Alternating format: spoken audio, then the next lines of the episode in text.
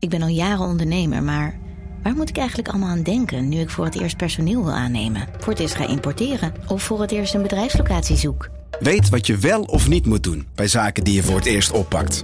Check kvk.nl voor praktische stappenplannen. KVK, hou vast voor ondernemers. Al 125 jaar kwaliteit voor jou thuis met Miele. Dat vieren we met jou.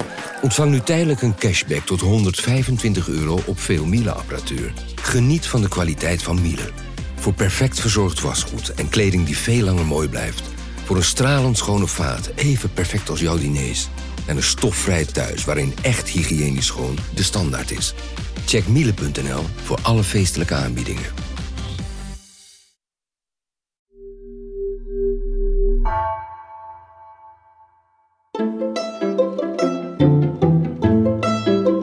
Welkom, wij zijn Onbehaarde Apen. Dit is een podcast van NRC over wetenschap.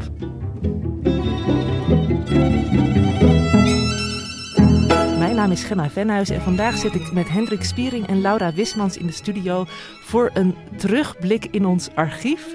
Ehm, ja, ik vind het ook wel leuk met deze herhalingen dat we Lucas er weer even bij hebben. Oh, we missen hem een beetje. Hè? En ehm, Absoluut. weten jullie nog wat de tweede naam van Lucas is? Arthur? Ja, dat heb je in één keer. Dat, dat komt er heel spontaan uit. Ja, het was natuurlijk. Jij weet al waar, waar, deze podcast over gaat. Maar ehm, we gaan het inderdaad hebben over de eh, Koning Arthur podcast. Die Lucas, Hendrik en Bart met z'n drieën hebben opgenomen. En eh, daarin vertelt hij eh, hoe hij aan zijn tweede naam komt. Wat een cliffhanger. ja. ja. Wat, Ja. Buiten dit leuke feitje, wat gaan we nog meer leren? Ik, ik, ik, ehm, ik zou niet alles willen verklappen wat we daarin vertellen. En of Arthur wel bestaat of niet bestaat, is natuurlijk altijd het eeuwige raadsel. Maar er zijn eigenlijk twee dingen die mij bij Arthur enorm opvielen, ook in de voorbereiding van eh, die podcast toen. Is dat ehm, Arthur ontzettend tot de verbeelding spreekt, nog altijd. Dat vind ik heel interessant. Eh, dat als je kinderen spreekt, eh, waar willen jullie verhalen over horen? Over dit of dat, of over koning Arthur, is bijna altijd ja, koning Arthur.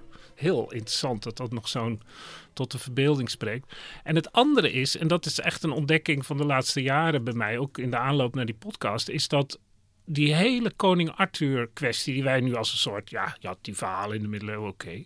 Maar het was zo'n krachtige, fantasierijke cultuur in de middeleeuwen, dat het eigenlijk misschien wel de allerbeste kennismaking is met de middeleeuwen als een gewone tijd. Waarin mensen van dit soort verhalen hielden en, en, en die eindeloos doorvertelden. En er is zo'n onvoorstelbare fantasie. Ik bedoel, die Marvel-films, die je er heel goed mee kan vergelijken, omdat het ook een soort eindeloos uitdijend universum is, net als de Arthur-verhalen. Die, die zijn er eigenlijk niks bij. Ik zit wel eens naar die films te kijken. Ik denk, nou, Lancelot die eh, zou het gekker hebben opgelost. eh. Nou, na deze mooie introductie gaan we nu luisteren naar de Koning Arthur aflevering. Veel plezier. Welkom. Wij zijn Onbehaarde Apen. Dit is een podcast van NRC over wetenschap.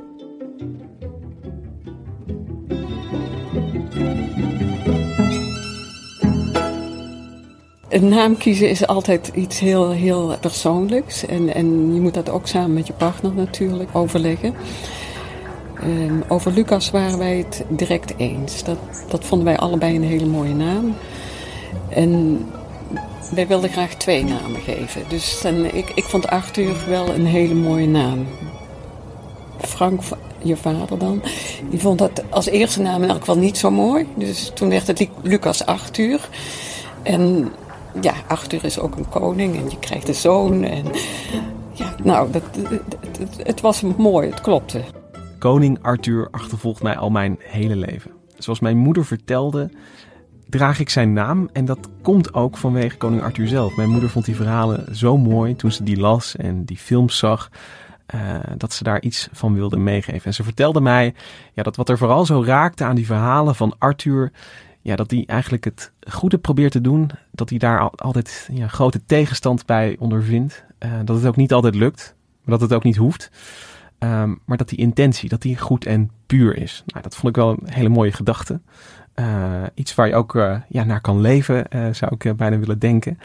Ehm, Maar daar stopt het niet bij, bij die namen. Als kind zag ik de Disney-film Marlijn de Tovenaar. Later las ik zelf ook verhalen, zoals van T.H. White, Arthur, de koning van eens en ooit. En ja, dat is eigenlijk nooit meer gestopt. Overal kom ik Arthur tegen, of het nou in een bordspel of een boek is.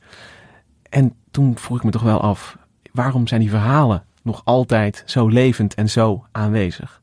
En daar gaan we het vandaag over hebben. Ik zit hier in de studio met Bart Funnekotter en Hendrik Spiering. En ik, Hallo. hey, ik wil ook van jullie weten welke rol Arthur speelt in jullie leven. En of, dat ook, ja, of jullie hem ook eigenlijk steeds zijn blijven tegenkomen. Eh, Ja, dat is wel aardig. De allereerste vakantie die ik eh, eh, had met mijn vrouw, toen nog mijn vriendin, bijna 25 jaar geleden inmiddels. Die ging, dat was een liftvakantie in Engeland en we gingen op naar Tintagel Castle in Cornwall. Dat is het kasteel waar koning Arthur geboren zou zijn. En als het eb is, valt er gedeelte van de rots waarop dat kasteel staat bloot. En dan zie je de grot en dat zou de grot van Merlijn zijn. Eh, dus ja, dat, dat is, was een hele bijzondere vakantie waar ik nog altijd met eh, plezier aan terugdenk. En wij zijn uiteindelijk gezegend door Merlijn en, en de koning, want eh, we zijn nog steeds bij elkaar. En het was wel jouw idee, denk ik, om daar naartoe te gaan. Nee, het was ons idee. Het was jullie idee. Mooi. Het begon wel heel goed. Niet gelijk stoken. En Hendrik, koning Arthur en jij. Ja, met jullie verhalen kan ik me niet meten. Want eh, ik heb eigenlijk een heel simpel verhaal. Ik heb eh, eh, sinds mijn studie eh, ben ik al met middeleeuwse geschiedenis eh, bezig. Maar dat die hele Arthur-gedoe heb ik een beetje genegeerd eigenlijk. Hoewel ik natuurlijk wel genoot van allerlei films die eruit kwamen. En ik kende wel de grote lijn. Maar pas een paar jaar geleden, ik heb er toen ook een stuk over geschreven in de krant, las ik het boek van Jozef Janssens, een Vlaamse hoogleraar middeleeuwse letterkunde.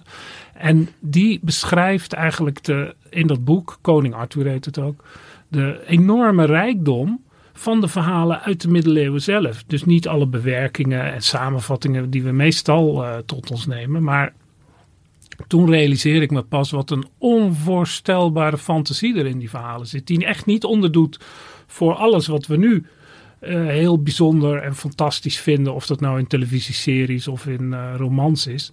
En ja, dat was, e- dat was voor mij persoonlijk wel een bijzonder moment. Omdat je juist iets waar je denkt dat je er al wel wat van weet, realiseer je dat je nog niet eens de buitenkant van de spiegel hebt aangeraakt waarachter zich die wereld bevindt.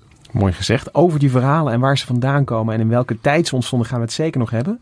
Maar ik wil eerst eigenlijk naar het verhaal zelf, de inhoud. Een kleine opfriscursus zou ik bijna willen zeggen, koning Arthur.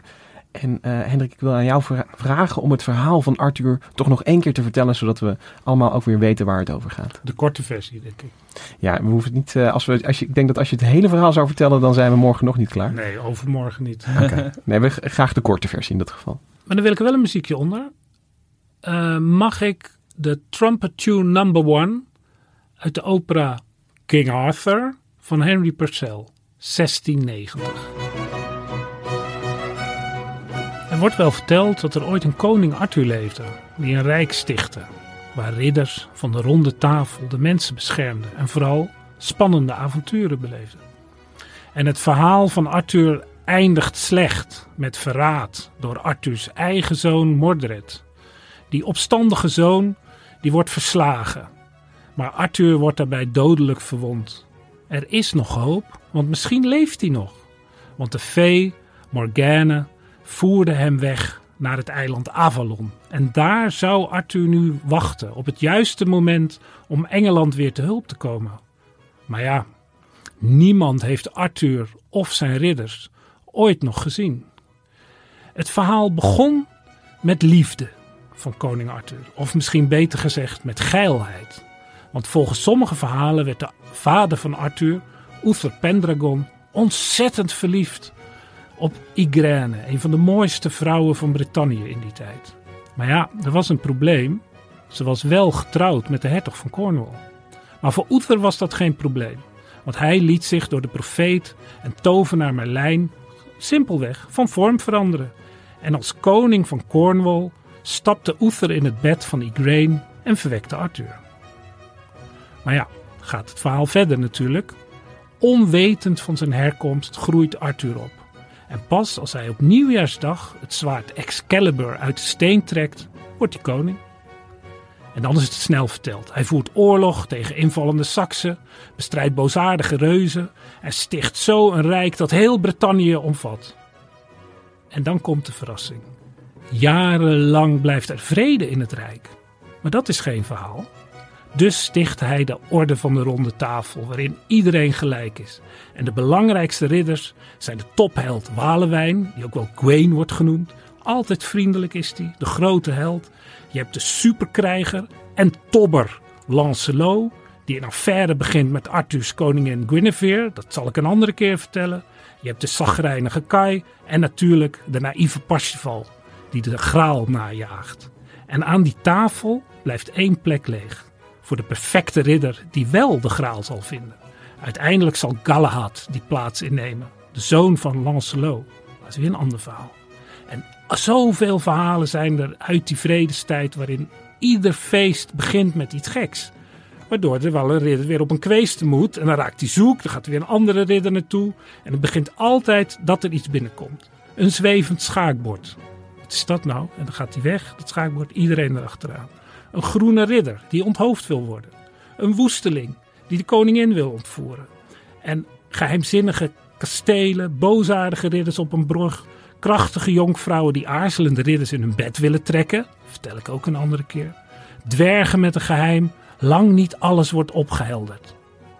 Maar ja, nu is het allemaal voorbij. Maar we hebben nog wel de verhalen. Wauw, ik was even. Ik, ik wilde dat het, dat het bijna door zou gaan. Maar ik, ik hoop dat je nog meer uh, gaat vertellen over die uh, verhalen straks. En veel van die verhalen zijn natuurlijk ja, vol fantasie. Ik bedoel, zwevende schaakborden en dwergen. Maar er zit ook altijd een, ja, een, een sfeertje van werkelijkheid erin. Cornwall wordt genoemd, dat is een regio die we nu nog kennen. En die strijd met de Anglo-Saxen. De strijd met de Anglo-Saxen noemde jij ook al even.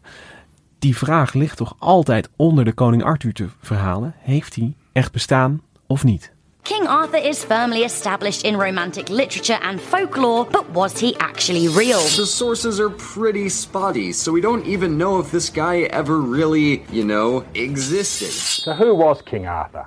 Did he ever exist? So, if King Arthur didn't pull a sword from the stone, then what did he do? Could he have actually been a real person? But how much of the legend is fantasy? And how much of it is real? Did a king named Arthur really rule ancient England? Part van alle personen in deze studio ben jij het dichtste bij de mogelijke oorsprong van uh, Arthur geweest, namelijk in Cornwall. Kun je even beschrijven ja, hoe die ruïnes of hoe dat kasteel erbij ligt? Uh, dat kasteel ligt er niet goed bij. Het ligt in het dorpje Tintagel. Het ligt echt aan, aan de zee uh, helemaal. Het is echt op het, uit, punt van de rots. Wat er nog over is, zijn wat wat muren, die bij mij niet veel verder komen dan, niet, dan mijn heup. En er staat nog een soort van rest van van een toren. En het aardige is, als het app is, dan valt onder dat kasteel een, een, een grot bloot waar dan Merlijn uh, in gewoond uh, zou hebben. En de, de, plaatselijke bevolking, zal ik maar zeggen, voor de, plaatselijke bevolking is de vraag die zojuist gesteld werd, is, is geen vraag. Want voor deze mensen heeft Arthur bestaan. En dat moet ook wel, omdat ze anders hun um, broodwinning zouden verliezen. Want dat hele dorp is een soort van uh, Koning Arthur pretpark met een Koning Arthur shops. En dan zijn ook alle de Merlin pub en zo. Nou, je kan het je allemaal wel, allemaal wel voorstellen. Maar toen ik er rondliep en het was het juiste weer, het was een beetje guur, werd ik toch wel gegrepen door die, uh, door die historische sensaties, zoals we, dat, uh, zoals we dat dan noemen. En wat ook wel interessant was, uh, dat, dat was na mijn, nadat ik er was, want dat is inmiddels meer dan twintig jaar geleden, is er een steen gevonden in dat kasteel, in, in Tintagel Castle. En op die steen staat een naam gekrast, de naam Artochnu. En Artochnu zegt, dit kasteel is gebouwd door mijn vader. En in welke nou, taal staat dat er dan? Ja, Latijn. Oké. Ja, uh, en alle mensen in, uh, in rep en roer. Want dit was dan het bewijs, want die steen is aangetroffen in een archeologische laag. Die uh, uit de zesde eeuw afkomstig is. En die zesde eeuw was de eeuw waarin Arthur, als die bestaan zou hebben, uh, gevochten zou hebben tegen de Anglo-Saxen die vanaf het, uh, het continent uh, Brittannië kwamen binnenvallen. Nou, inmiddels zijn er kenners die zeggen, ja, die naam Artochnu kan je ook op een allerlei andere manieren verklaren. Dit is geen bewijs dat er in die zesde eeuw daar een Arthur in dat, dat, een Arthur in dat kasteel heeft gewoond. Nou, dan worden we dus teruggeworpen op de historische bronnen, waar we het altijd al mee moesten, moesten doen als we willen achterhalen, bestaat Arthur nou echt? Nou, dan blijven dus de geschreven bronnen over. Eh, de eerste geschreven bron die we tegenkomen is uit 829 na Christus. Dat is de Historia Brettonum. Die is geschreven door een monnik en die heette Nennius en, die woonde in Wales. En Nennius die heeft het over de slag bij Bedon, waarmee hij een koning Arthur verbindt die daar gevochten zou hebben. Hij noemt die uh, koning noemt hij een dux bellorum, dus een, een, een oorlogshertog. En deze Arthur is een koning van koningen die daarbij deze slag bij Bedon honderden Saksen zou, uh, zou hebben gedood. Het interessante is, die slag die komen we voor het eerst tegen in een geschrift uit de, uit de zesde eeuw. En dat heet De Exidio et Conquesto Britanniae. En dat is ook geschreven door een monnik, de monnik Gildas. En die noemt wel de slag bij Bedon, maar niet de naam van koning Arthur. Maar het interessante is, dit is dus een verslag uit de zesde eeuw. En dat is ongeveer de eeuw waarin Arthur, als die echt bestaan zou hebben, tegen de Angelsaksen gevochten zou, uh, zou kunnen hebben. Dus uh, dat maakt deze bron en het noemen van die plaats Bedon interessant. Namelijk, die slag heeft waarschijnlijk echt plaatsgevonden. Helaas in deze veel vroegere bron geen koning Arthur bij naam. Dan komen we uiteindelijk uit bij uh, de laatste uh, Latijnse term die ik erin zal gooien vandaag. De Annales Cambriae. Dat is een, weer een geschrift uit de negende eeuw. Waarin uh, Arthur en Beden allebei worden genoemd. Maar dit keer ook uh, de slag bij Camlan uit 537 na Christus. Waarbij Arthur om het leven zou zijn gekomen. En uh, dat is dus de eerste keer dat we ook een sterfjaar voor, voor Arthur hebben. Uh, helaas gaat ook deze uh, bron niet terug op een oudere bron. Tenminste, dat kunnen we niet als zodanig herleiden. Dus het probleem waar we mee zitten is dat we geen historische bronnen hebben die jonger zijn dan minstens 300 jaar na het, het verdwijnen, het overlijden van Arthur. En ik kan me voorstellen dat als je dus ja, voor het eerst van iemand hoort, eigenlijk 300 jaar nadat hij geleefd zou hebben, dat dat voor een historicus een beetje een, een problematisch figuur is daarmee. Ja, het is een, dat is een zeer problematisch figuur. Want volgens de regels van het spel uh, ja, telt hij dan eigenlijk niet mee. Dat is gewoon niet genoeg. Je kan natuurlijk aan teksten wel zien of daar oerbronnen uh, aan, de, aan ten grondslag uh, liggen. En het interessante is dat er bijvoorbeeld in de Keltische, in de naamgeving van plaatsnamen of namen van een berg of een stroom in die tijd, uh, zie je dat de naam Arthur oprukt in Keltische plaatsnamen. En we hebben ook een gedicht uit rond 600 na Christus. Dat heet de Igododin. En daarin worden talrijke veldslagen besproken. En één, uh, in één stuk van dat gedicht gaat het over een held. En die wordt gezegd, die is heel heldhaftig. Maar ook wel niet zo heldhaftig als Arthur. Ja, en die is zo, dat vind ik zo mooi dat je ja. dus en dan blijf je dus hangen in de lucht. Bron, ja, ja, dan blijf je dus hangen in de lucht. Ja, maar vertel dan meer over die kennelijk nog heldhaftiger Arthur. Om het nog, nog beperkter te maken, is die, dat gedicht, dat, dat is opgeschreven in de 13e, 14e eeuw. Het is eerder opgeschreven, maar toen de meest recente kopie die we hebben is ja. uit de 13e eeuw. Ja, dat bedoel ik. Ja, ja dus de, de, de laatste. En ja, de auteur van die, de, de, de, de kopiist. Ja. Die kan dat ook hebben toegevoegd. Dat was, toen waren al die Arthur-verhalen al overal. Klopt, dus die, die, die kan nog... Die kan het al gelezen hebben en dacht, nou ja, oké, okay, het was wel een grote held. Maar ik ken er eentje nu uit het lezen van, uh, van, uh, van die historische, historische tussen aanhalingstekens bronnen. We fietsen Arthur er nog even in. Dus de, de, de, de bottom line is, het is heel problematisch. We weten eigenlijk niet. Uit, er is geen goede bron om te stellen uh, dat Arthur bestaan heeft.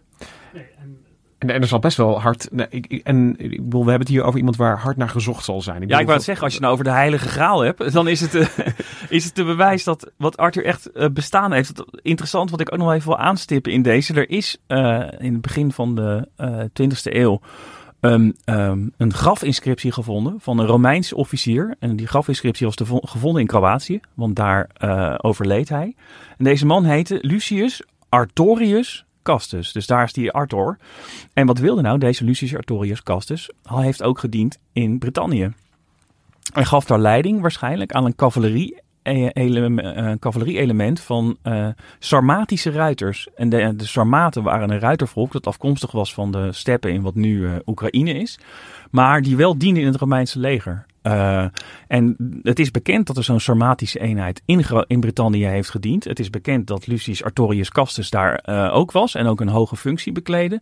Dus het idee is ook een beetje gegroeid van wacht eens even, die Sarmaten waren ruiterkrijgers. Hm, dat zijn misschien wel de, zouden de, ten, grondslag kunnen liggen aan de ridders van de ronde tafel. Nou, we hadden deze Lucius Artorius Castus, dat was hun baas. Nou, Artorius Arthur, close enough. Uh, dit is de historische bron voor het Arthur-verhaal. Deze Romeinse ruitereenheid met deze Lucius Artorius Castus als hun aanvoerder. Dan zit je nog wel met het probleem dat Lucius Artorius Castus in de tweede à derde Ja, eeuw diende in Rome. Dus je hebt nog in, in Brittannië, dus je hebt, zit wel met een gat van, van 200 jaar. Maar zo zou je een soort van etymologische, eh, historische verklaring kunnen vinden voor het Arthur-idee en het idee van de ridders van de Ja, je moet wel een beetje mij- door je wimpers heen kijken. Ja, zeker, ja. Ja, want volgens mij komt er ook weer uit de Sarmatische mythes, of dan Ja, van klopt. het broedervolk, komt ook weer een geheimzinnig zwaard natuurlijk. Ja. Dus alles past dan ineens. Ja. Alleen ja, Het, het, het, het- de zwaard in de steen komt dan ook voor in, in, in de folklore van de Caucasus. Dus hey, wacht eens even, dat is gewoon geïmporteerd met die ruiters. Nou ja, goed. En, en zo, alles verklaard. ja, alles verklaard en klaar. Ja. Maar eh, zo eenvoudig, of tenminste zo eenvoudig, zo, want het is best een hele toffe verklaring eigenlijk. Maar zo, ik denk toch niet dat hij uiteindelijk eh, steek houdt. Jij eh, acht het zelf onwaarschijnlijk dat er een koning is geweest die Arthur heeft Nou, ik heb dus, ik, ik, ik, ik begon eh, de voorbereiding van deze uitzending als agnost. Eh, ik dacht van, ja, oké, ehm, eh, ik denk dat je niet kan weten of koning Arthur wel of niet bestaan heeft. Maar toen dacht ik uiteindelijk, ja, wacht eens even. Je hebt die bronnen, die zijn allemaal 300 jaar oud. Dat is eigenlijk niet goed genoeg. En als je wil beweren dat iets bestaat, eh, in dit geval Arthur, maar bijvoorbeeld eh, eh, God, dan zou je ook kunnen zeggen, dan, moet je daar, dan ben jij degene die beweert iets bestaat. Dan moet je daar bewijzen voor hebben. Die zijn er eigenlijk dus niet. En het is niet aan de mensen die zeggen, nou, ik denk niet dat Arthur niet bestaat, om dan te, dat te bewijzen dat hij niet bestaan heeft. Wat natuurlijk sowieso ingewikkeld is. Dus ik begon dit, de voorbereiding van deze uitzending als agnost, maar ik ben geëindigd als een Arthur-atheïst. Ik denk dat hij historisch gezien niet bestaan heeft. En dat we wat we hebben, dat zijn die verhalen. Ja, die Arthur-verhalen die hebben we en die kennen we, maar waar komen die dan vandaan? Goeie vraag. Er zijn eigenlijk eh, twee, twee bronnen die we moeten. Het, materiaal, dat zei Bart al een beetje, dat komt een beetje uit dat Keltische gebied. Eh, er is een held Arthur geweest. En die pas eigenlijk, als je in de bronnen kijkt, pas in de 11e eeuw ook een beetje koning wordt genoemd. En niet alleen maar Dux Bellorum. En eh, dat zijn gewoon klassieke heldenverhalen. Er zijn nog wat, wat, wat, wat eh, uitvoerige verhalen uit het einde van de 11e eeuw. Maar de verhalen zoals we ze nu kennen en de hele sfeer van de ridderschap en eh, eer en liefde, dan moeten we naar de hoofdse cultuur gaan. Dus je hebt die verhalen van een Keltische held. En dat, dat wordt eigenlijk gecombineerd in de 12e eeuw. Begint een beetje in de 11e eeuw, denk ik. Want er worden in die bronnen uit de 12e eeuw vaak verwezen naar verhalen die verteld worden. Er is zelfs iemand die eh, al het graf van Arthur heeft gezien.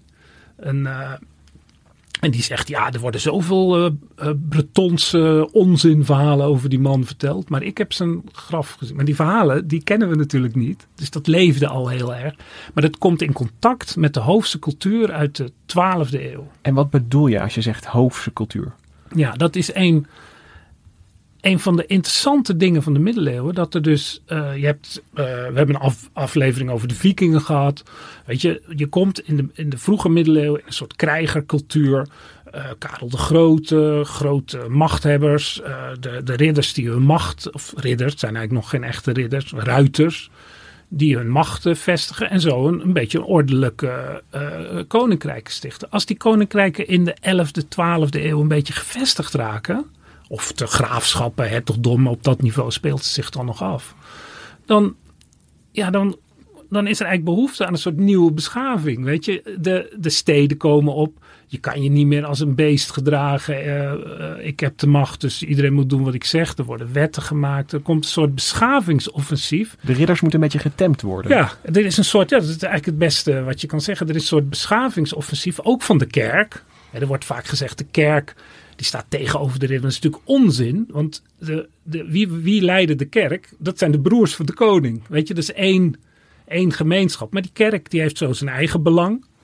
En die legt er ook enorm de nadruk op. Je krijgt een godsvrede, dat er dus een, eh, op zondag niet gevochten mag worden. Dat is dan begin 11e eeuw. En zo wordt dat steeds verder uitgewerkt. En er ontstaat dan vanuit een soort hofcultuur in Duitsland, volgens bepaalde theorieën die, eh, die ik las. Eh, die wordt een soort beschavings aan het Duitse hof van de Duitse keizer, die toen het, het verst ontwikkeld was eigenlijk, van beschaving om aardig tegen elkaar te doen en hoffelijk. We kennen die term nog steeds. En in Zuid-Frankrijk, in contact met Arabische poëzie, wordt vaak gezegd, ontstaat er de troubadourscultuur. In de 12e eeuw zitten we dan al.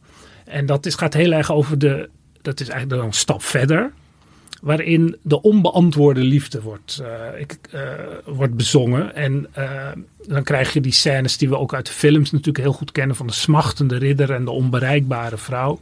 Maar er zit een enorm beschavingsidee in, want ja, je moet vrouwen respecteren. Je moet uh, ook de armen uh, respecteren. Want anders wordt de, de, de, de, de geliefde jonkvrouw... die is natuurlijk ontstemd als jij uh, badend in het bloed voor niks komt. Dus er is een soort evenwicht tussen goed doen en, en ja, de orde handhaven. Want dat gebeurt ook. Dus wat jouw moeder zei in het begin...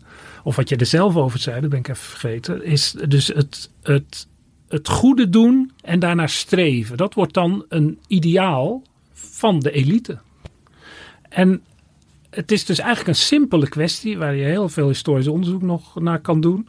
Maar eigenlijk heeft niemand het beter samengevat dan Frank Groothoff in zijn uh, kinderopera over Arthur. Ridder zijn geboren blauw van bloed met lanse riddersporen, hoog van de toren, hoog te paard. Maar er komt wat meer bij kijken. Wij, de machtigen en rijken, hebben een taak. Wij dienen een ridderlijke zaak, gebruiken onze kracht, man en macht voor de vrede in ons land. Rust en vrede, geen tranen, oorlog en geweld. Wie het land, wie het volk redt, is een echte held. Oké, dus we zijn eigenlijk in een situatie, ik, ik zie het helemaal voor me de eerste verhalen over koning Arthur zitten nog in, in, dat, in, dat, in dat Keltische, maar dat, dat wordt een beetje opgezogen nu in de hoofdse cultuur. Ja, zo en kan je dat eigenlijk zien. En, en wordt eigenlijk opgeheven, want die, die, die oude verhalen, uh, die, uh, wat ervan bekend is, dat zijn wel echt uh, hak- en smijt verhalen. Ook die latere ridderverhalen, er, komt, wordt, er vloeit enorm veel bloed. En soms denk je echt van, met moderne gevoeligheden, Gwen, Gwen, moet je nou zoveel mensen doden? En uh, die ridder bedoelde het toch niet zo kwaad. En hup, hoofd eraf. Maar goed, er zit, door, het is doordezemd met een, een uh, zoals wij de verhalen kennen uit de eind 12e eeuw. Uh, is doordezemd met een, een, een ideaal van dienen van de liefde. En het, het, het, het goede doen. En het niet altijd bereiken. Dat, dat maakt de verhalen ook zo mooi. En er is dus een historische idee dat koning Arthur dus echt bestaan heeft. Dat, dat wordt dan in Engeland, uh, er zit altijd een politieke component bij namelijk. Daar kregen toen in de 12e eeuw in Engeland, het begint natuurlijk in 1066, Anglo-Normandische edelen kregen daar de macht. En die hadden eigenlijk niet zoveel met uh, die Angelsaksen. Dus die waren meer geïnteresseerd in die Keltische verhalen ja. Er is dan een, man aan het hof, Geoffrey of Monmouth. En die maakt eigenlijk de eerste keer het verhaal in een soort quasi-historische setting. Met Melijn en uh, ik geloof nog niet het zwaard in, uh, in de steen. Maar wel al Guinevere die dan overspel speelt. Nog niet met Lancelot, maar met Mordred. Weet je? En, en dan uh, de eindeslag waarin Arthur dan jammerlijk omkomt. En dat over welk jaar allemaal... spreken we? Want, want dit klinkt als een herkenbare, voor mij in ieder geval, Arthur-vertelling. Dat is eigenlijk de eerste echt herkenbare Arthur-vertelling die we op schrift hebben. Dat is 1138 in de geschiedenis van de koningen van Brittannië. Het is wel grappig dat we dus commentaar van andere historici tussen aanhalingstekens uit die tijd hebben die dan zeggen, uh, dat, dat is wel mooi gevonden. Want er, zijn, er wordt heel veel gezocht naar historische bronnen over Arthur. En Jeffrey of Monmouth, of over historische bronnen over Engeland. Jeffrey of Monmouth zegt dat hij een heel oud uh, Keltisch boek heeft gevonden, wat niemand ooit gezien heeft.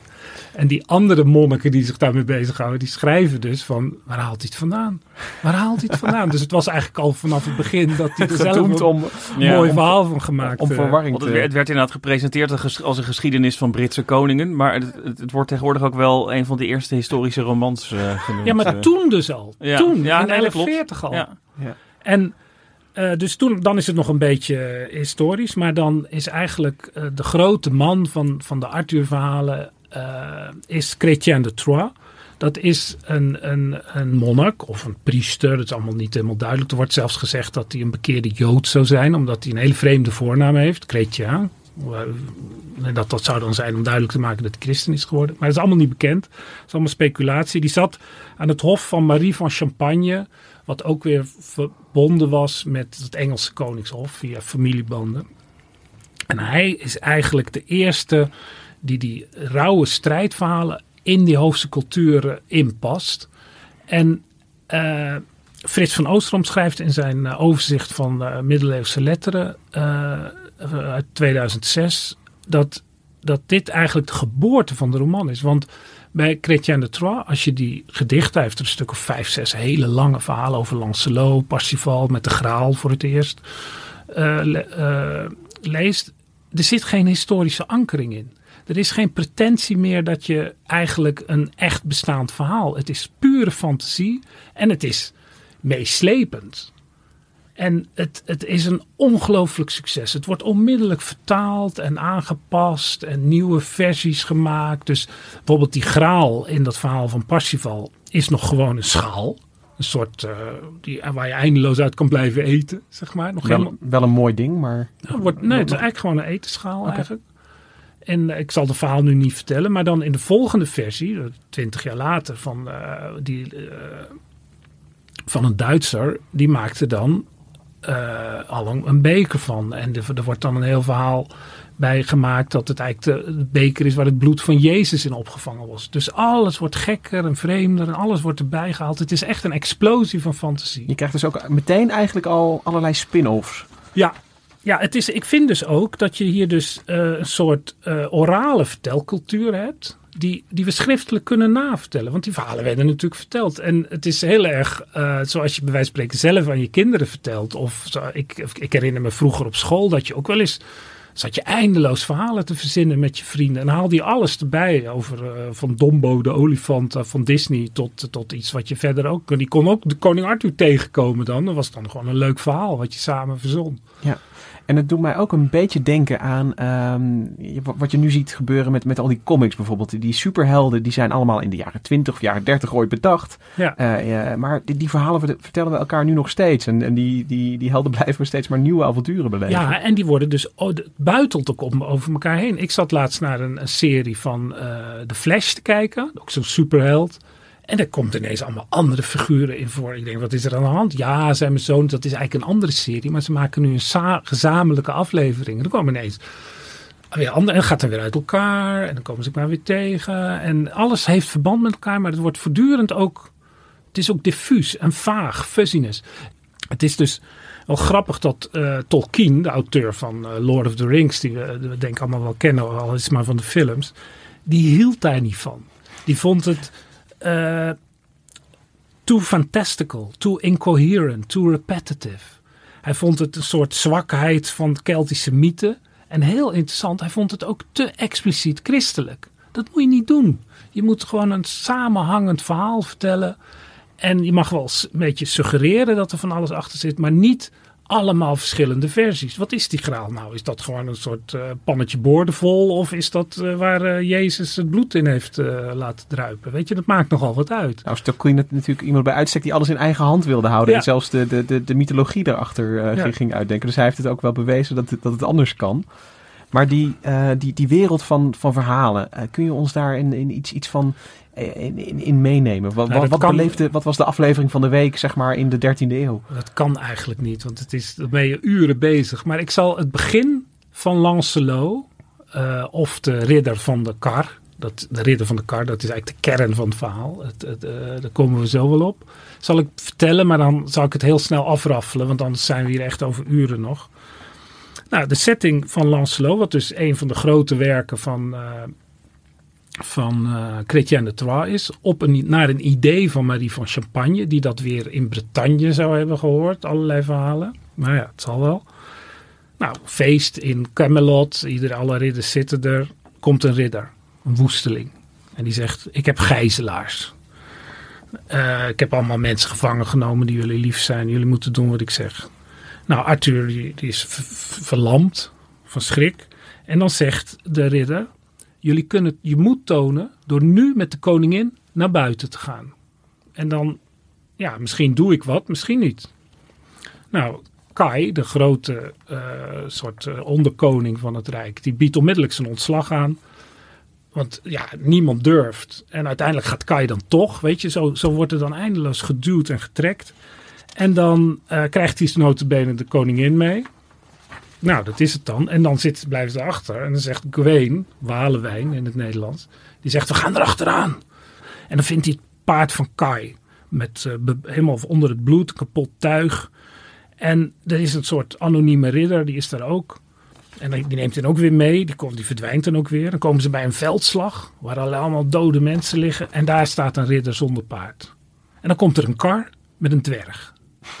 En die ridder, die zegt, die, die dus Lancelot is, maar er komen pas halverwege het verhaal achter dat hij zo heet. Die zegt, dwerg, waar is de koningin? Hij is kennelijk ook op zoek naar de koningin. En dan zegt die dwerg, als je meegaat in mijn kar, dan mag je het horen. En dan moet je dus even die riddercultuur kennen, dat een kar is iets voor boeren of de dood veroordeelden. Dus als je als ridder in een kar gaat staan, dan zeg je eigenlijk voordeel me maar ten dood. Dan verlies je alle eer. En dan komt het, mooi stukje van uh, Chrétien de Troyes. En de ridder aarzelde twee stappen lang. De rede die spreekt vanuit de mond, zei hem niet in te stappen. Maar de liefde die spreekt uit het hart, zei hem in te stappen. Omdat liefde regeert, deed de schande er niet meer toe. Dus hij stapt in. Maar hij aarzelt twee stappen. En dat, hij is dus kennelijk verliefd op de koningin. Wordt dan eigenlijk al verteld. Dat kom je ook pas langzaam achter. Nou, Gwen gaat er ook op af en die zegt uh, tegen de dwerg, waar is de koningin? Nou, hij wordt ook gezegd, stap maar in. Ja, dat ga ik niet doen, madness. Maar ik rijd er wel achteraan. nou, dat is dan een optocht van die dwergkar met Gwen erachteraan. Nou, dan komen ze in een of ander stadje. Nou, uh, de, Lancelot wordt uitgelachen door iedereen. Ah, ridder, die wordt zeker ter dood veroordeeld. Dan gaan ze naar een toren achter die dwerg aan. Die dwerg die verdwijnt. Nooit meer iets van gehoord. Daar is een mooie vrouw met dienaressen. En dan gaan ze eten met z'n drieën. Gwen, Lancelot en die vrouw. En dan mogen ze blijven slapen. Krijgen ze mooie mantels aan. En dan liggen dan twee bedden in, in die hal. En een derde bed. Heel mooi bed. En Gwen en Lancelot, die moeten in die twee lelijke bedden. Het is niet voor jullie dat mooie bed. Maar Lancelot die zegt, ja, waarom? Hij gaat toch in dat mooie bed liggen. En dan midden in de nacht wordt er een brandende lans in dat bed geschoten. En dan zie je wat een held eigenlijk Lancelot is. Die wordt, krijgt een schampschot, het bed, bed valt in brand. Dat, in de Franse literatuur heet dit ook het gevaarlijke bed. Met alle suggestie die erbij zit. Maar de ridder die trekt, uh, dus de, de onnaamloze ridder, die Lancelot is, die trekt het lans eruit blust het vuur en valt weer in slaap. Nou ja, dan gaat eindeloos door. De volgende dag komt er een draagbaar met een ridder en een nog een grote ridder en de koningin. En dan zie je hoe verliefd Lancelot is. En dan wil hij zich uit het raam werpen. En dan uh, zegt dat, uh, dat meisje of die, die jonkvrouw, die zegt, nou, uh, je moet een paard hebben. En hier heb je een paard en een lans en ga er maar achteraan. En ik zal je wel vertellen hoe het zit. Maar dan moet je me wel een belofte doen. En dan zegt Lancelot, die zegt, ik zal je wens vervullen. Aan het einde van het verhaal komt ze dan weer terug en moet die wens vervuld worden. En Gwen die zegt, ik, die zegt het ook, ik zal je dienen. Die staat er ook al die tijd nog bij. Ja, maar en Hendrik, zo gaat ga het maar door. door. Ja, en dan uh, legt ze dus uit hoe het zit. Die dwerg die dat zou weten. Maar ja, goed, die heeft ze naar dat kasteel gebracht. Dus heeft zijn opdracht vervuld. Het is dan de zoon van een koning, van Gorre, die die koningin ontvoerd heeft. En er zijn twee toegangen. Er is een smalle brug onder water. En er is de zwaardbrug. Dan moet je over een zwaard gaan. Dat, dat vind ik zo'n ongelooflijke fantasie. Weet je, een zwaard als brug. En dan, dan, dan kijken Gwen en Lancelot uh, elkaar aan. Nou, wat doe jij? Nou, dan gaat uh, Lancelot naar die zwaardbrug. En Gwen gaat naar die andere. Later gaan ze elkaar weer zoeken. En, uh, maar lang verhaal kort, vinden ze de koningin? Ja, ja, ja, ja. Okay. En dan komt er ook een, een gevecht tussen Lancelot en... En die, nee, en die Mel Melagant. Maar de, ook weer zo typisch voor deze rare fantasie. Die vader van Melagant, een hele aardige man. En die nou, komt binnen en uh, oh, wat leuk dat je over die zwaardbrug bent gekomen. Dat kan eigenlijk helemaal niemand. Hartstikke goed. En ja, dan komt het toch tot een gevecht tussen Lancelot en die Melagant. Want ja, die Melagant die haat die Lancelot ook. Ja, heel verhaal. En dan uh, verliest Lancelot bijna. Totdat hij Guinevere, de koningin, zijn naam hoort noemen. Dat hoort hij. En dan krijgt hij nieuwe kracht. Maar Guinevere is boos op Lancelot omdat ze die aarzeling heeft gezien. Van die twee stappen Die aarzeling. twee stappen, dat, dat, wordt hem dan weer aangerekend. Hoe groot is jouw liefde, jongeman? Maar even... Het, Het, komt dan weer goed. Ja. Maar, maar het klinkt als een... een, een op, op mijn... eh, ik, ik ben misschien geconditioneerd door eh, hele strak gestroomlijnde Ja. plots. Too, inco- too incoherent, too repetitive, zoals uh, Tolkien al zei. Ik snap wel een beetje waar Tolkien vandaan komt. Dat is, het heeft heel veel van een en toen en toen Ja, maar vertelling. dan heb ik, nog, heb ik nog een paar kastelen natuurlijk overgeslagen. Ja, waar dat ook, dan, wel. eh, het ook zo interessant. Allemaal van die krachtige vrouwen die ook allemaal zeggen hoe het allemaal moet. En, eh, Dat juist Tolkien dat zegt, dat geldt toch ook voor de hele Lord of the Rings? Nee, dat is een heel strak verhaal. Maar dat Ja. kunnen we wel een andere keer nog over aflevering over maken. dat is Maar is het eh, eh, de, de, de elementen die erin zitten met eh, hè, wat je zou moeten doen en wat het goede is om te doen en wat hoort en, en Ja, dat, ik- dat, dat zit er dus ja. allemaal in. En ik las dus bij Frits van Oosterom, dat wist ik eigenlijk ook niet, dat er dus onder Neerlandici, want dit soort verhalen zijn ook allemaal in het Nederlands vertaald, en dat de verhalen over die, dat vliegende schaakbord is eigenlijk een, een Nederlands-Vlaams verhaal, wat eigenlijk hier onbedacht is. En dat er een discussie is over, ja, hoe serieus moeten we dit nou eigenlijk nemen? Wat, en er zijn dan theorieën over een soort entrelacement, een soort doorweving van het verhaal. En eh, er is dan een hoogleraar Nederlands die heeft gezegd van ja, maar die middeleeuwers die hadden toch een andere manier van met verhalen overgaan. En die konden dat allemaal onthouden en die hielden de lijn vast. Ja, het is voor moderne, je moet eraan wennen, zo zou ik het zeggen. Want Ja. ik heb dus die hele Lancelot zitten lezen. Maar op een gegeven moment ga je het ritme voelen. En als je de samenvatting hoort, wat ik nou eigenlijk doe, al, het is al een hele korte samenvatting. Al die kleine dingetjes die erin zitten, die zijn zo mooi beschreven ook. En ieder avontuur test ook weer de ridder. Bijvoorbeeld met dat gevaarlijke bed. Ja, gaat het nou over seks eigenlijk? Weet je, daar kan je allemaal over nadenken wat dat betekent. Maar in ieder geval is het een test van Lancelot. Gwaine is nederig, die gaat niet in dat. Maar Lancelot, er zit dus iets hoogmoedigs in die man. Ja. Terwijl die wel bereid is om op die, op die nederige kar te gaan staan. Met twee stappen vertraging. Weet je, en dan dat alles spiegelt in elkaar. Ja, ja.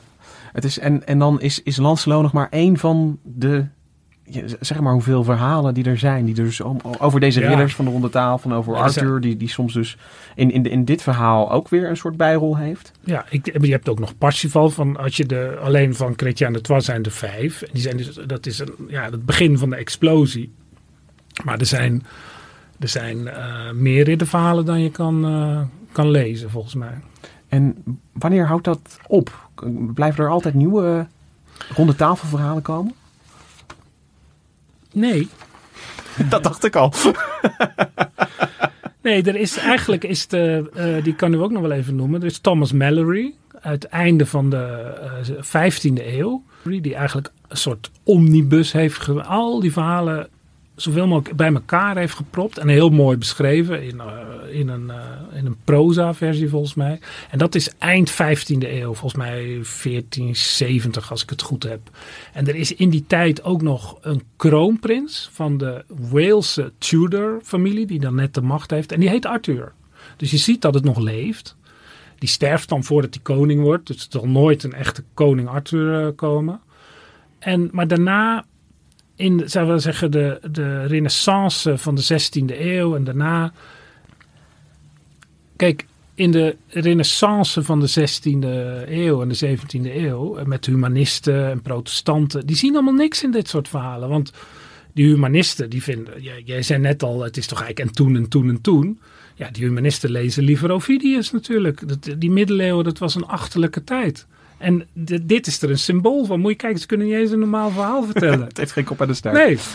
En eh, die, die protestanten, ja, ik bedoel, zelfs de katholiek Tolkien vindt het al te christelijk. Er zit zo'n katholieke sfeer omheen. Dus die protestanten moeten er ook niks van hebben. Dus, en dan krijg je nog eh, dat die hele eh, riddercultuur, die ridderverhalen, die ridderromans, die bestonden natuurlijk nog wel in de 16e eeuw. Maar eh, iedereen die Don Quixote wel eens gelezen heeft, ja, die, die werd gek omdat hij te veel ridderromans eh, leest. En toen, daarom dacht hij dat molens reuzen waren waar hij tegen moest vechten. Ik, ik kwam daar pas vrij recent achter dat Don Quixote eigenlijk een, een, gewoon een pastiche op het hele genre Ja. is. Weet je, van, van de, de, eigenlijk bijna de genadeklap voor de ridderroman zelf. ja, die tijd is een beetje voorbij natuurlijk. En, en past dat ook bij de uh, rol van ridders die een beetje uitgespeeld is? Hoeven geen eens getemd meer te worden, maar ze spelen ook nauwelijks nog een rol in uh, nou ja, kijk, het, het feodale tijdperk uh, eindigt natuurlijk pas met de Franse Revolutie. Maar de, uh, de, de, gevechten werden niet meer door geharnaste ridders op toernooien gevochten. Er zijn nog wel een paar toernooien, maar... Je hebt ook gewoon het, de uitvinding van het buskruid maakt een einde aan, aan het, aan het, het riddertijdperk. Omdat je dan vanaf dat moment verschijnt er ook geschut op het slagveld.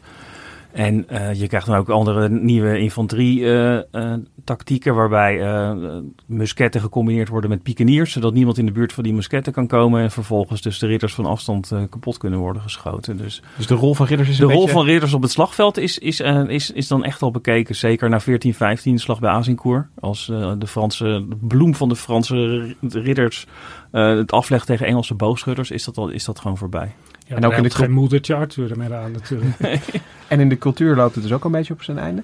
Maar toch zitten we nu, uh, ik bedoel, mijn tweede naam is Arthur, in, uh, in, in opnieuw in een soort, soort rij, verhalenrijkdom. Ja, er is dus Waar een, is dat dan vandaan gekomen? Ja, als je het eigenlijk in, in kort wil vertellen, is eigenlijk een soort uh, twee stappen zijn dat. De eerste stap is eigenlijk in de romantiek. Als er uh, getrokken door de paarden van de Gothic Revival en de Celtic Revival weer aandacht voor die oude verhalen komt. De Gothic Revival is ja, de naam zegt al een beetje terug naar de gotiek, zwijmelen met middeleeuwse kastelen, al die, die neogotische dingen die overal neergezet worden. En ook die verhalen. Dus uh, Engelse dichters die maken verha verhalen over uh, Arthur. De Celtic Revival is een soort emancipatiebeweging van, van Ierse cultuur, Wales cultuur, uh, Cornwall denk ik ook. En ja, dat trekt, dat, dat trekt die, die, die Keltische wortels ook. En er is nog een ander, dat dan is er natuurlijk een Brits imperium. En zo'n koning Arthur, die heel Brittannië onderworpen heeft en een soort vredesideaal heeft, dat is een interessante ideologische bron. Maar er speelt wel mee dat in de 19e eeuw de Engelse elite zich Angelsaksisch achten. En ja, wel een beetje een probleempje. Dat, Want Arthur vecht juist ja, tegen vecht, dat, is een, dat ligt niet helemaal goed. Dus dat houdt het een beetje tegen. Maar bijvoorbeeld Baden Powell met uh, de Boy Scouts. Uh, ook heel veel inspiratie uit Arthur. En zeker als ze dan, en dan komen we op de tweede stap van de populariteit. Als er dan twee wereldoorlogen tegen de Duitsers wordt gevochten, dat is heel interessant, wordt dat Angelsaksische, dat is ineens niet meer zo interessant om je als Germaan te beschouwen. Dus dan, Angelsaksen zijn dan ook een Germaans volk. Ja, dat vonden ze vroeger. Ja. Dat is allemaal ideologie natuurlijk. Ja. En dan, dan ligt die, en eigenlijk de, de, voor zover ik het heb kunnen zien, is die bloeien waar we nu in zitten, wordt eigenlijk gesticht door dat boek waar jij ook al noemde van T.H. White, The Once and Future King. Dat gaat over Arthur. Het zijn eigenlijk vijf boeken die tussen 38 en 1958 verschijnen. En in de jaren 60 bloeit dat enorm op. Er wordt heel snel een Disney film van gemaakt in 1963. Je hebt dan ook dat fascinerende element dat Kennedy, die natuurlijk ook een soort koning Arthur-achtige, charismatische figuur was, die, die zeker na zijn dood werd dat hof van hem, dat Witte Huis, werd als Camelot beschouwd. Er zijn ook boeken dat Our Camelot of de ondergang van Camelot, als dan de moord op uh, ding.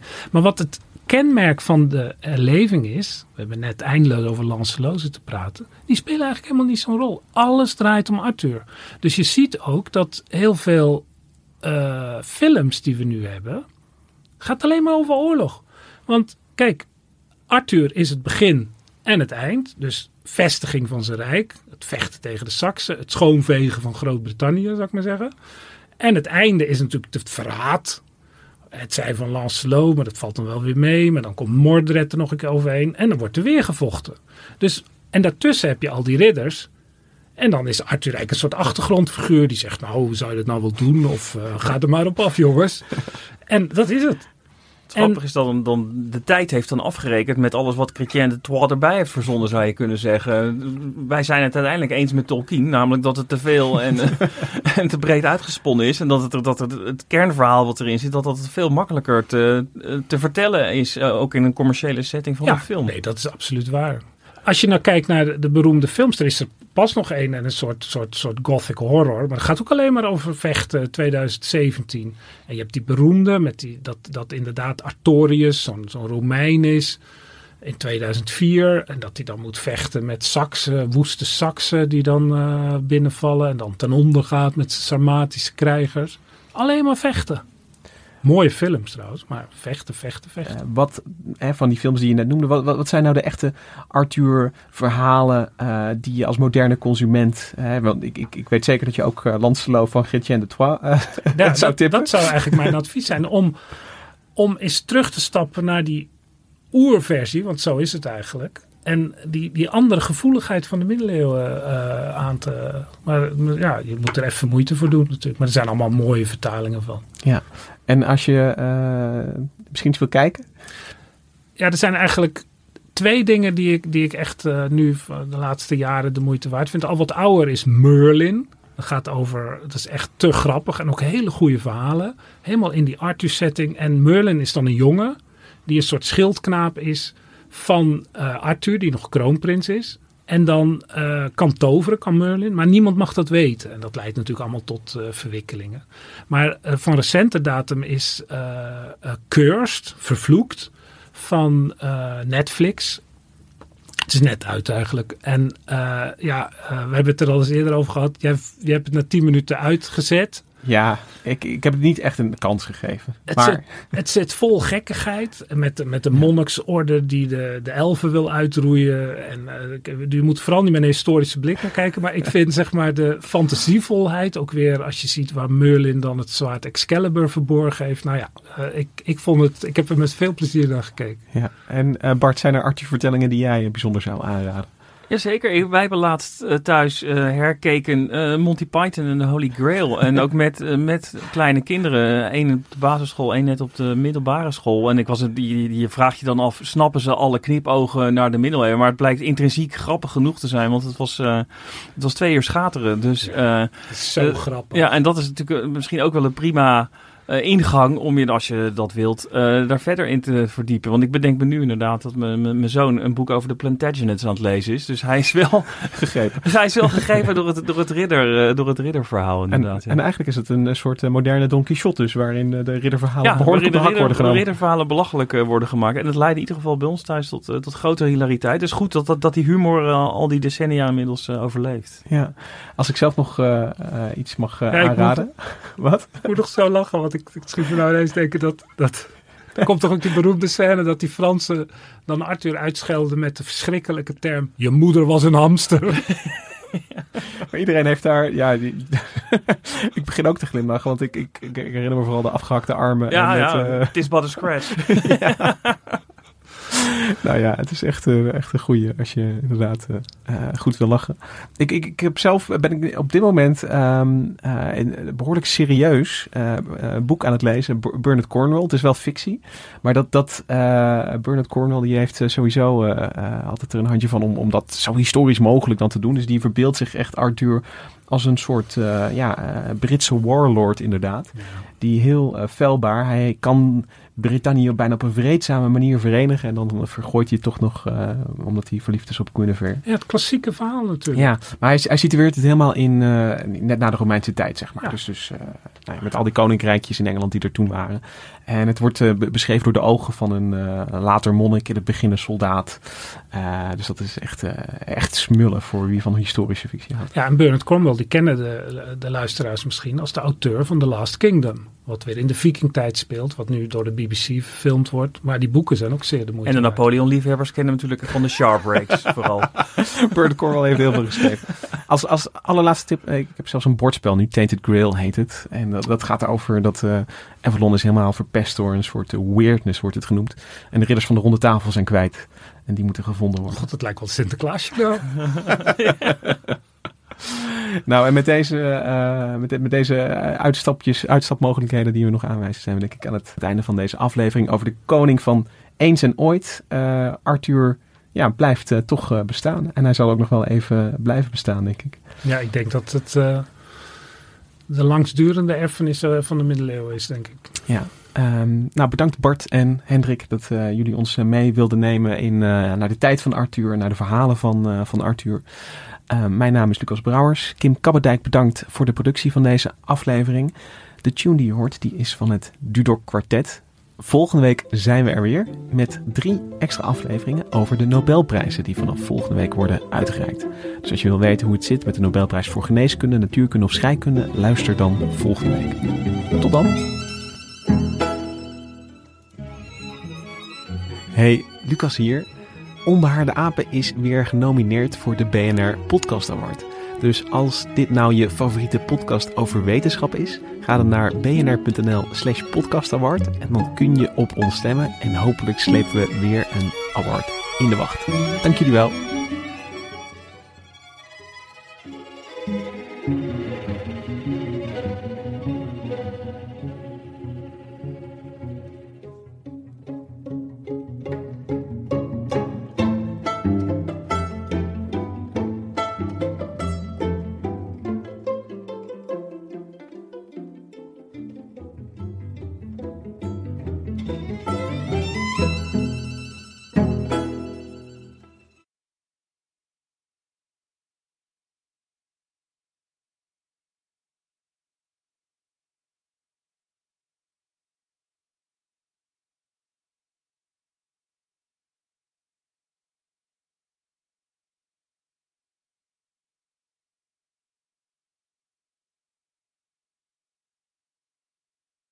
Technologie lijkt tegenwoordig het antwoord op iedere uitdaging.